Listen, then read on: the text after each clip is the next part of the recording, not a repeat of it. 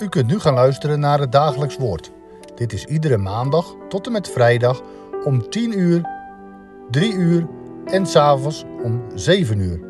Deze meditatie wordt verzorgd door dominee Jongeneel.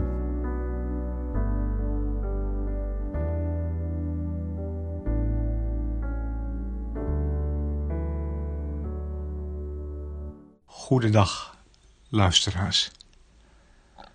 Het schriftwoord voor vandaag is Marcus 2, vers 18 tot 22.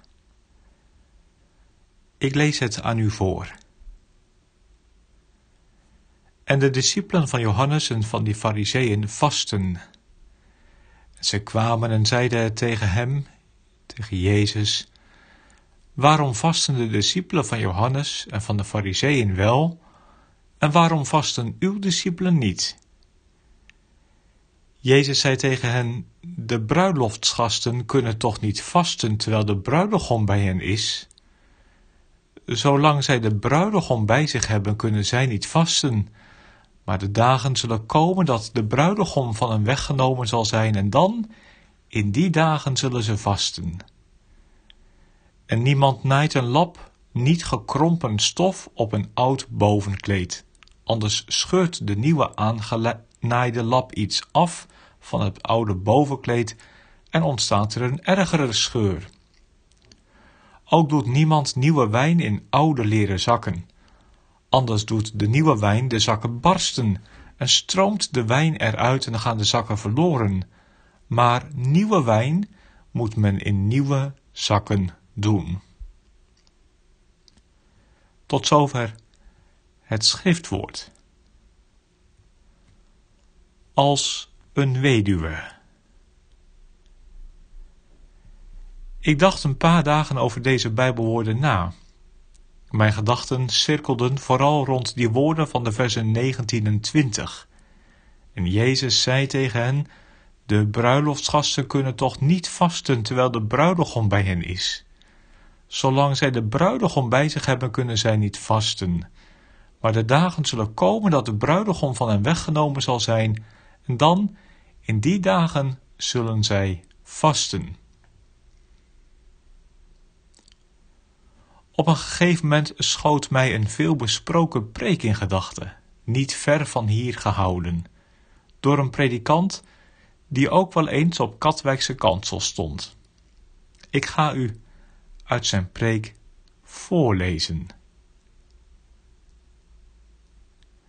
Hij zei wij kennen uit de Bijbel de aanduiding van de gemeente als de bruid. In het Nieuwe Testament wordt herhaaldelijk zo over de gemeente gesproken. De betrekking tussen God en Israël, tussen Christus en de gemeente, is die van een heilige liefde, als in een verloving. Er is geen gemeente zonder de bevindelijke gemeenschap met God in de Zoon van zijn liefde. Voor de innigste gelovigen was daarom het hooglied altijd het hoogtijlied van de liefdesband tussen Christus en zijn gemeente. Het bezingt de liefdesbetrekking in al haar teerheid en kracht. Al wat aan hem is, is gans begeerlijk.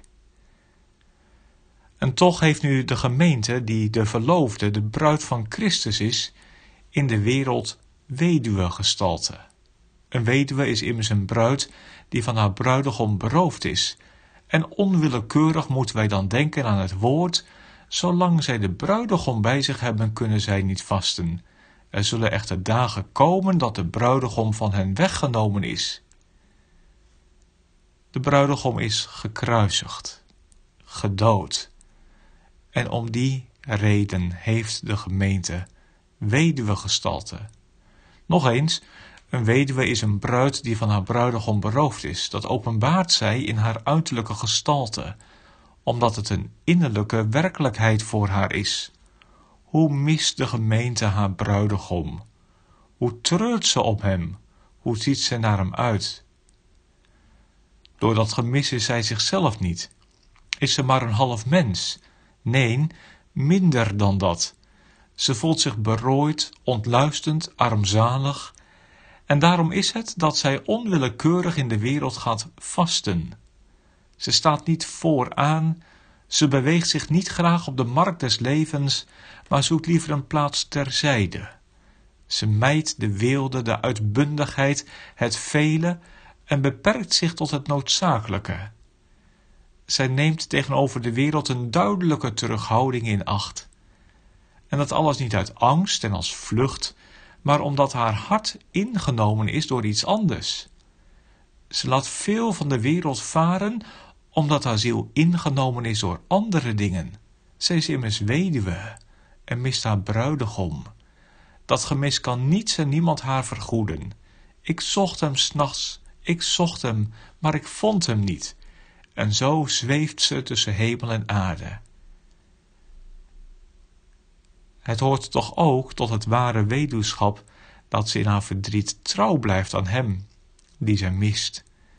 En daarom heeft ze een onwereldse schoonheid. Haar stilheid, ingekeerdheid, terughoudendheid en trouw aan haar bruidegom. Daarin komt tot uitdrukking hoe groot de schatten van zijn liefde zijn en hoe zij met brandend verlangen naar hem uitziet. Vergeleken met de rijkdom die zij in hem bezit, zijn haar alle dingen schade en drek. Haar schoonheid is een schoonheid niet van deze wereld, maar van de toekomst van haar bruidegom. Naarmate die toekomst dichterbij komt, wordt ze niet ouder, maar juist jonger. Kent u eigenlijk die gemeente wel? Verstaat u iets van haar verborgen bestaan?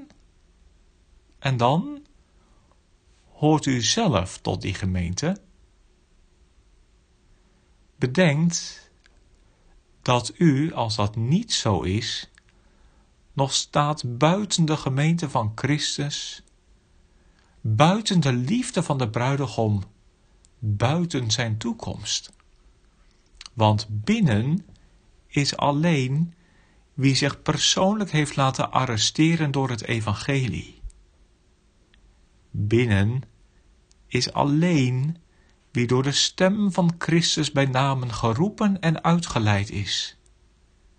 Binnen bent u alleen als uw hart zwevende is geworden tussen hemel en aarde. Tot zover die preek. Een preek van zondag 17 september 1967, gehouden in de Grote Kerk in Den Haag door Dr. W. Aalders. Bijbelwoord een preek, het geeft ons stof tot nadenken. Ik ben daar in ieder geval nog niet over uitgedacht. Ik overweeg er volgende week in onze wijkavond op terug te komen de gemeente als weduwe. Op aarde geen grootspraak. Het allemaal niet op zak.